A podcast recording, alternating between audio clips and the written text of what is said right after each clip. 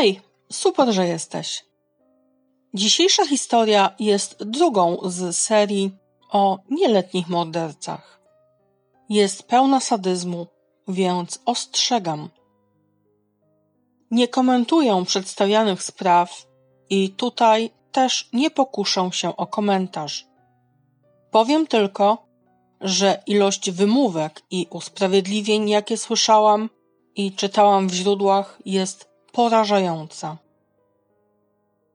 Zanim jednak przejdę do dzisiejszej sprawy, chcę przypomnieć Ci, że możesz mnie słuchać na Spotify, Anchor i Pocket Casts. A także możesz dołączyć do mnie na Instagramie wpisując podcast kryminalny. Na koniec chciałam jeszcze podziękować kanałowi Krymiland za to, że wspomniała o mnie w jednym z niedawnych odcinków. Dziękuję. Rosalind Hunt w chwili swojej śmierci miała 41 lat. Kobieta po odchowaniu dwójki dzieci rozstała się z mężem i przeniosła do socjalnego mieszkania na Victoria Street w angielskim Ipswich. Tutaj popadła w alkoholizm i zaczęła prowadzić się z szemranym towarzystwem. Często była widywana, gdy upijała się z innymi na ulicy. Był 2009 rok. Na jakiś czas związała się też z 42-letnim Polem. Mężczyzna był uważany za przywódcę grupy alkoholików. Śledztwem zajmował się Rick Muntz z policji w Suffolk. Zanim to jednak nastąpiło, kilka dni wcześniej sąsiedzi, słysząc krzyki kobiety dochodzące z mieszkania przy Victoria Street, zaniepokojeni wezwali miejscową policję. Oficerowie zjawili się na miejscu, zapukali, zapytali sąsiadów o co chodzi i odjechali. Mimo wezwania nie weszli do środka. Nie starali się także dojść do tego, dlaczego z mieszkania samotnie mieszkającej kobiety dobiegał wcześniej krzyk. Później przeciwko owym policjantom wszczęto postępowanie wewnętrzne i wręczono nagany pisemne za niedostateczne sprawdzenie zgłoszenia. Może gdyby wtedy weszli siłą do mieszkania, udałoby się jeszcze uratować Rosalind. 9 sierpnia w niedzielę policja znów zawitała pod wspomnianym wcześniej adresem. Sąsiedzi zgłosili, że nie widzieli kobiety od wielu dni. Zwykle przecież piła z innymi poza domem i była widywana praktycznie codziennie. Takie nagłe zniknięcie było dla nich powodem do niepokoju. Mimo swojego alkoholizmu była lubianą osobą. Po przybyciu na miejsce policjanci zauważyli muchy i rozbite okno, więc tym razem siłą weszli do mieszkania Roslin. Niedługo po policji na miejscu zjawili się reporterzy. Zespół techników kryminalnych i otwarte na oścież okna nie pozostawiały wątpliwości. W środku od dłuższego czasu na pewno znajdował się ktoś martwy. Rosalind leżała na łóżku, była ubrana i częściowo przykryta kołdrą. Na jej ciele znajdowała się ogromna ilość obrażeń, głównie na klatce piersiowej, przez brzuch i podbrzusze. Dziewięć z jej żeber było połamane. Ustalono, że obrażenia wystąpiły, gdy Rosie jeszcze żyła. A więc nie dość, że została zamordowana w brutalny sposób, to przed śmiercią na pewno była torturowana. Podczas dalszych badań zwłok okazało się, że kobieta miała obrażenia od bicia, kopania, zdartą skórę na twarzy i policzku poprzez użycie tarki do warzyw. Jej twarz ukazała obrażenia, które później okazały się być wyrządzone przez śmigła wentylatora, który para zwyrodnialców przyłożyła jej do głowy. Jej włosy zostały podpalone. Była wielokrotnie bita smyczą łańcuchową, kopana i bita pięściami po głowie, a w jej otwarte rany wcierano sól. Zmarła w końcu po kilku dniach tortur od silnego uderzenia w kark. Brat Rosalind był wstrząśnięty. Była jego najmłodszą siostrzyczką i choć w tym czasie była po czterdziestce, Adrian Province nadal myślał o niej jak o jego małej siostrze. Najpierw matka przekazała mu wiadomość, że kobieta zmarła. Dopiero tydzień później przekazała mu informację, że ukochana Rosie została zamordowana, a ludzie, którzy się tego dopuścili, zostali ujęci. Mężczyzna do dziś nie pogodził się z jej śmiercią. Zaledwie dzień po odnalezieniu zwłok Rosalind Hunt na Limerick Close policja odkryła ciało Desmonta Thorpe. Początkowo śledczy myśleli, że zmarł naturalnie, zwłaszcza biorąc pod uwagę jego słaby stan zdrowia i nadmierne codzienne picie. Jednak zwykłe przeszukanie miejsca zamieszkania Desa przyniosło niespodziewane dowody. W zaroślach, poza domem, znaleziono poduchę, a na niej plamy krwi mężczyzny. To przestało się władzom podobać, ponieważ Des został znaleziony niespełna dwie mile dalej i znał poprzednią ofiarę. Mężczyzna był jednym z pijackich kompanów Rosie. On jednak nie został zamordowany w tak brutalny sposób. Nie był też torturowany. Ciało Desmonda Ciało Desmonda zostało znalezione na kanapie. Został uduszony poduchą dekoracyjną. Okazało się również, że przed śmiercią został pobity, a na jego ustach od wewnątrz widniały ślady odbitych zębów.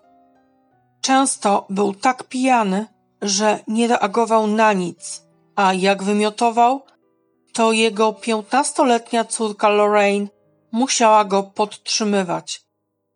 Brak śladów jakiejkolwiek walki nie był więc niczym dziwnym. Detektyw Mons szybko dotarł do wzajemnych powiązań ofiar, a dwie osoby z ich otoczenia wspomniane były przez grupę pijaków najczęściej. Byli to Paul Clark, z którym Rosie była związana, oraz Lorraine. Tak, ta sama Lorraine, która zajmowała się zalanym w sztok ojcem każdego dnia. Zajmowała to może za dużo powiedziane, bo często go biła i znęcała się nad nim. Lorraine mieszkała na Clapham Lane w Ipswich wraz z rodzicami i trojgiem rodzeństwa. Od najmłodszych lat była szpikowana tabletkami mającymi pomóc w jej ADHD.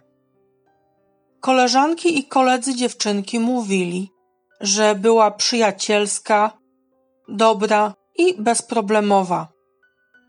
W 2006 roku, gdy dziewczynka miała 12 lat, jej rodzina się rozpadła, a Lorraine, jako córeczka tatusia, postanowiła zostać z nim. Jeżeli tylko służby socjalne postanawiały zabrać ją od ojca, uciekała z domów zastępczych i wracała do niego. Desmond już wtedy pił i kompletnie nie radził sobie z życiem. Przez jego styl życia dziewczynka poznała jego koleżków, ulicę i alkohol. Zamiast stabilnego domu i dachu nad głową mieszkała wraz z ojcem w opuszczonych budynkach, w melinach, a czasami na ulicy. Całe dnie spędzała z pijącymi kumplami ojca, z alkoholem i przemocą. Przestała też brać swoje leki. Całe to szemrane towarzystwo często bywało też w domu Roslyn, bez względu na to, czy sobie tego życzyła, czy też nie.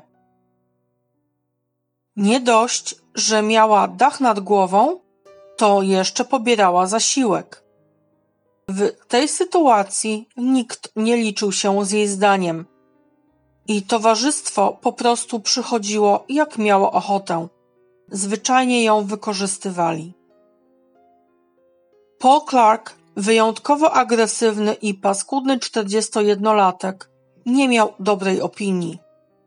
Pochodził z nieciekawej rodziny, często popadał w kłopoty z prawem. Na ulicy chełpił się czasem spędzonym w wojsku. Pił zdecydowanie za dużo, a swoją pijacką bandą dowodził przemocą i zastraszaniem. To on w końcu stał się przykładem dla młodziutkiej Lorraine. Zamiast chodzić do szkoły, dziewczyna piła, brała narkotyki i za wszelką cenę próbowała zaimponować Polowi. Tuż przed morderstwem Rosalind ta osobliwa para przebywała w mieszkaniu kobiety. Przed całą tą tragedią kobieta wyszła na spacer z ukochanym psem Pola. W parku pies ugryzł dziecko i podobno wtedy Rosie go kopnęła i odciągnęła. Ktoś szybko doniósł Polowi, jak kobieta obchodzi się z jego własnością. Po powrocie ze spaceru mężczyzna obwinił Rosalind o atak na dziecko. To sprowokowało go do przemocy i rozpoczęło trwające kilka dni tortury. Początkowo jednak kobieta poszła do mieszkania Desa, bo obawiała się reakcji Pola. Ten wysłał posłańca, który miał zapewnić ją, że wszystko jest w porządku. Ma się nie wygłupiać i wracać do domu. Posłańcem tym miała być Lori. Uwierzyła jej, wróciła. To była decyzja, której Rosie nigdy nie będzie żałowała, bo jej nie przeżyje. Był 2 sierpnia 2009 roku, a nastolatka zaprowadziła kobietę na Mountbatten Court, gdzie w swoim mieszkaniu czekał na nią Paul. Przez kilka dni mężczyzna i dziewczyna torturowali Rosalind. Przestawali, wychodzili, wracali i znów torturowali. Cały ten czas Lorraine się śmiała. Z dumą opowiadała znajomym, jak nadepnęła na głowę swojej ofiary. Chwaliła się, jak Rosie nadal żyje, więc wraz z Polem mogą spokojnie wracać i nadal się nad nią znęcać. 4 sierpnia popołudniem para prześladowców zabrała kobietę do jej mieszkania na Victoria Street. To wtedy zaniepokojeni sąsiedzi po raz pierwszy zadzwonili na policję. Jak wspomniałam na początku odcinka, ta interwencja nic nie wniosła, bo policja zwyczajnie sobie poszła, kiedy nikt nie otworzył im drzwi. W końcu tych dwoje zwyrodnialców wybrało się do mieszkania przy Victoria Street po raz ostatni. Janusze zbrodni mieli genialny plan. Zabrali ze sobą tabletki nasenne. Tak właśnie, dobrze słyszysz. Po tych wszystkich torturach i przy obrażeniach, jakie przez kilka dni zadali Rosalind, wydawało im się, że przekonają wszystkich o tym, że biedaczka sama odebrała sobie życie. Zmusili ją do połknięcia tabletek, ale jak wiadomo z raportu koronera, później której z nich musiało ją jeszcze uderzyć, bo zmarła od uderzenia w szyję. Wiesz już, co stało się z Rosie, ale co ma do tego drugie morderstwo? Pamiętasz, jak mówiłam, że Lorraine chwaliła się znajomym tym, co zrobili wraz z Polem? Te przechwałki dotarły do jej ojca w ekspresowym tempie. Zagroził on, że zgłosi parę zwyrodnialców na policję. Na to żadne z nich nie chciało pozwolić. Desmond był alkoholikiem, ale krzywdzenie innych nie było w kręgu jego zainteresowań i wyraźnie tego nie popierał, nawet jeżeli miałby donieść na własną córkę. Ten przejaw zasad i praworządności kosztował go jego życie. Paul Clark i Lorraine Thorpe zostali aresztowani 10 sierpnia 2009 roku pod zarzutem popełnienia obydwu morderstw. Jego policja złapała, jak przechadzał się niedaleko ostatniego miejsca zbrodni. Dziewczyna zaś udała się do znajdującego się w tym samym mieście domu matki. Początkowo nastolatka zaprzeczała, by miała cokolwiek wspólnego ze śmiercią ojca. Jednak w końcu powiedziała: Znajdziecie odcisk mojego buta na jego głowie. I rzeczywiście, na czole 43-latka widniał odcisk buta dziewczyny. Podczas przesłuchania nie okazywała jednak żadnych emocji czy uczuć. Proces Lorraine Thorpe rozpoczął się w lipcu 2010 roku w Old Bailey, a rozprawie przewodniczył sędzia Sanders. Ani ona, ani Paul nie przyznawali się do zarzucanych im czynów. Źródła tutaj nie są czyste co do miejsca rozprawy, bo raz czytałam, że odbywała się ona w sądzie koronnym w Ipswich, a raz, że w Old Bailey. Sędzia Sanders powiedział o Lorraine. Uważała przemoc za zabawną i rozrywkową, a także, że dziewczyna mimo młodego wieku potrafiła być przebiegłą manipulatorką. Obrońca nastolatki, Graham Parkins, próbował usprawiedliwiać jej działania, mówiąc w sądzie – It was highly inappropriate for this young girl to be playing a role of to her drunken and indeed very frail father. She never really had much of a chance in life. Rola opiekunki ojca pijaka, który rzeczywiście był wątły, była bardzo niewłaściwa dla tej młodej dziewczyny. Nigdy nie miała w życiu szans.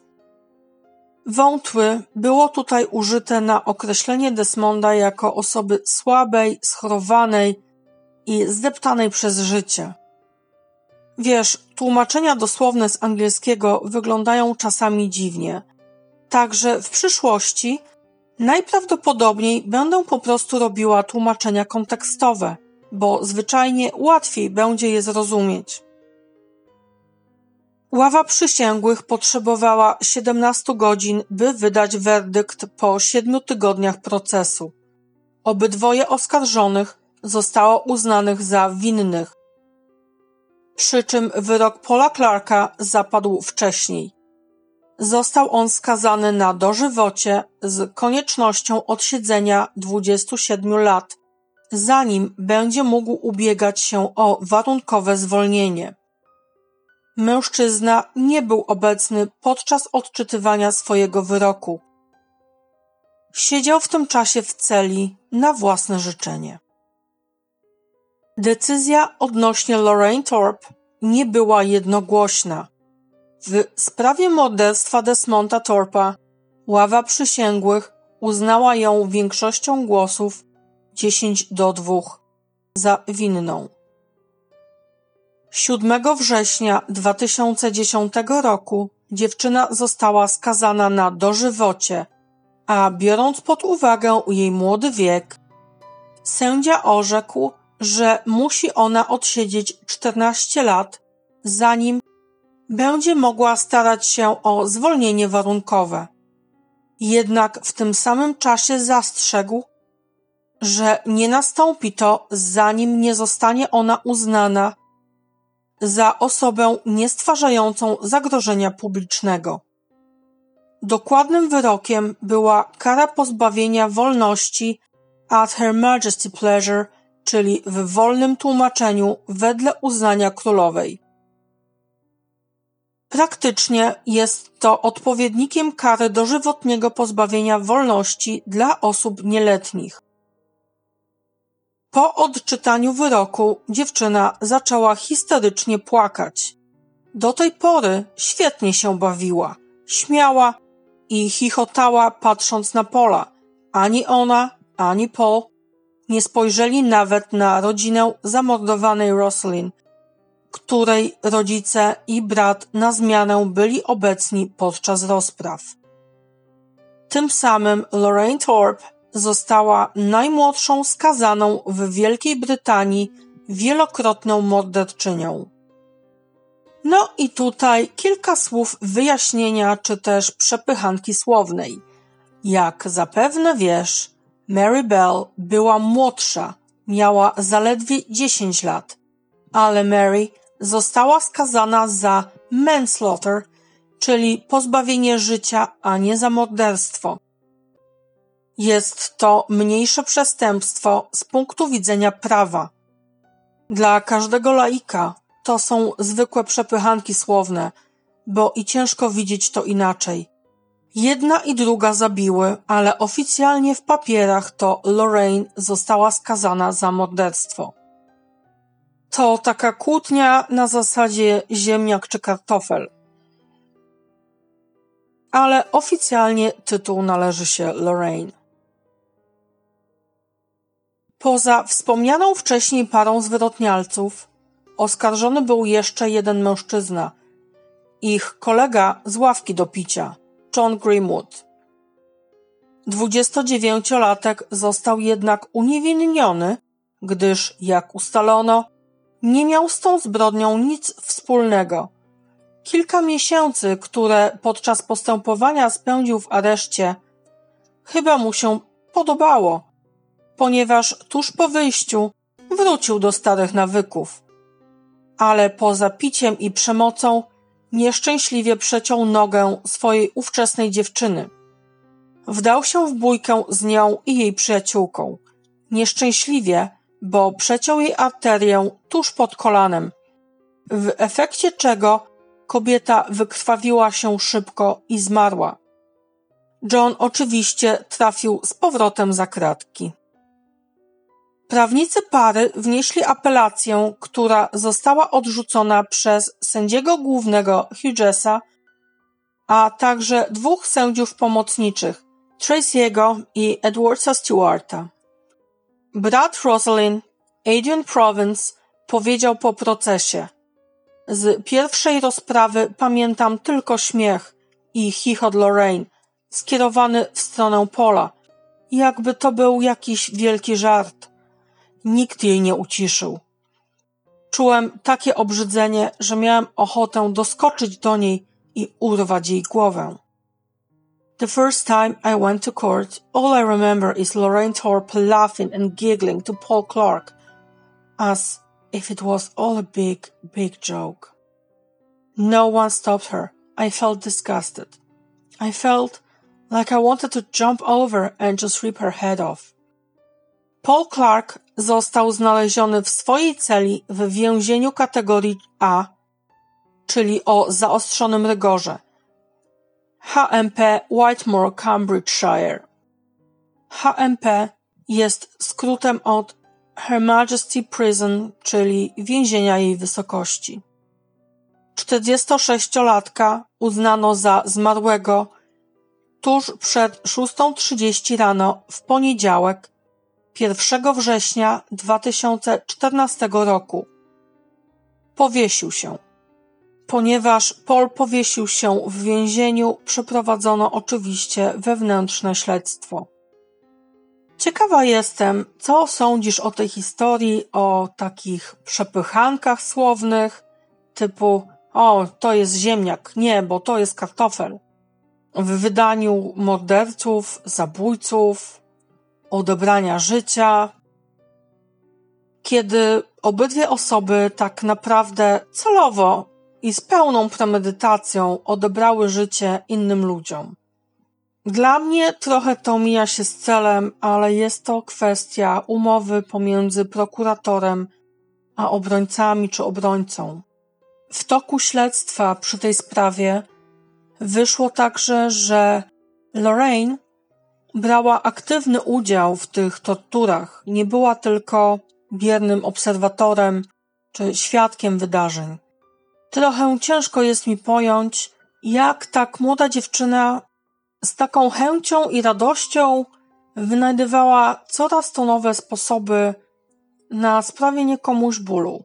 Bo uderzyć kogoś, pobić kogoś, co oczywiście nie jest żadnym chwalebnym postępowaniem, to jeszcze jest to jakoś do zrozumienia. Natomiast bić kogoś łańcuchem albo wcierać mu sól w rany, to są takie rzeczy zwykle niespotykane, nawet wśród dorosłych morderców. Także chętnie poznam Twoją opinię w komentarzu, przy założeniu, że zechcesz się nią oczywiście podzielić ze mną i z innymi. Na dzisiaj to już wszystko. Mam nadzieję, że sprawa była ciekawa, choć wiem, że brutalna. Przypominam o komentarzach, łapkach, subskrybowaniu i dzwoneczku. I do usłyszenia za tydzień, mam nadzieję. A tymczasem dobranoc.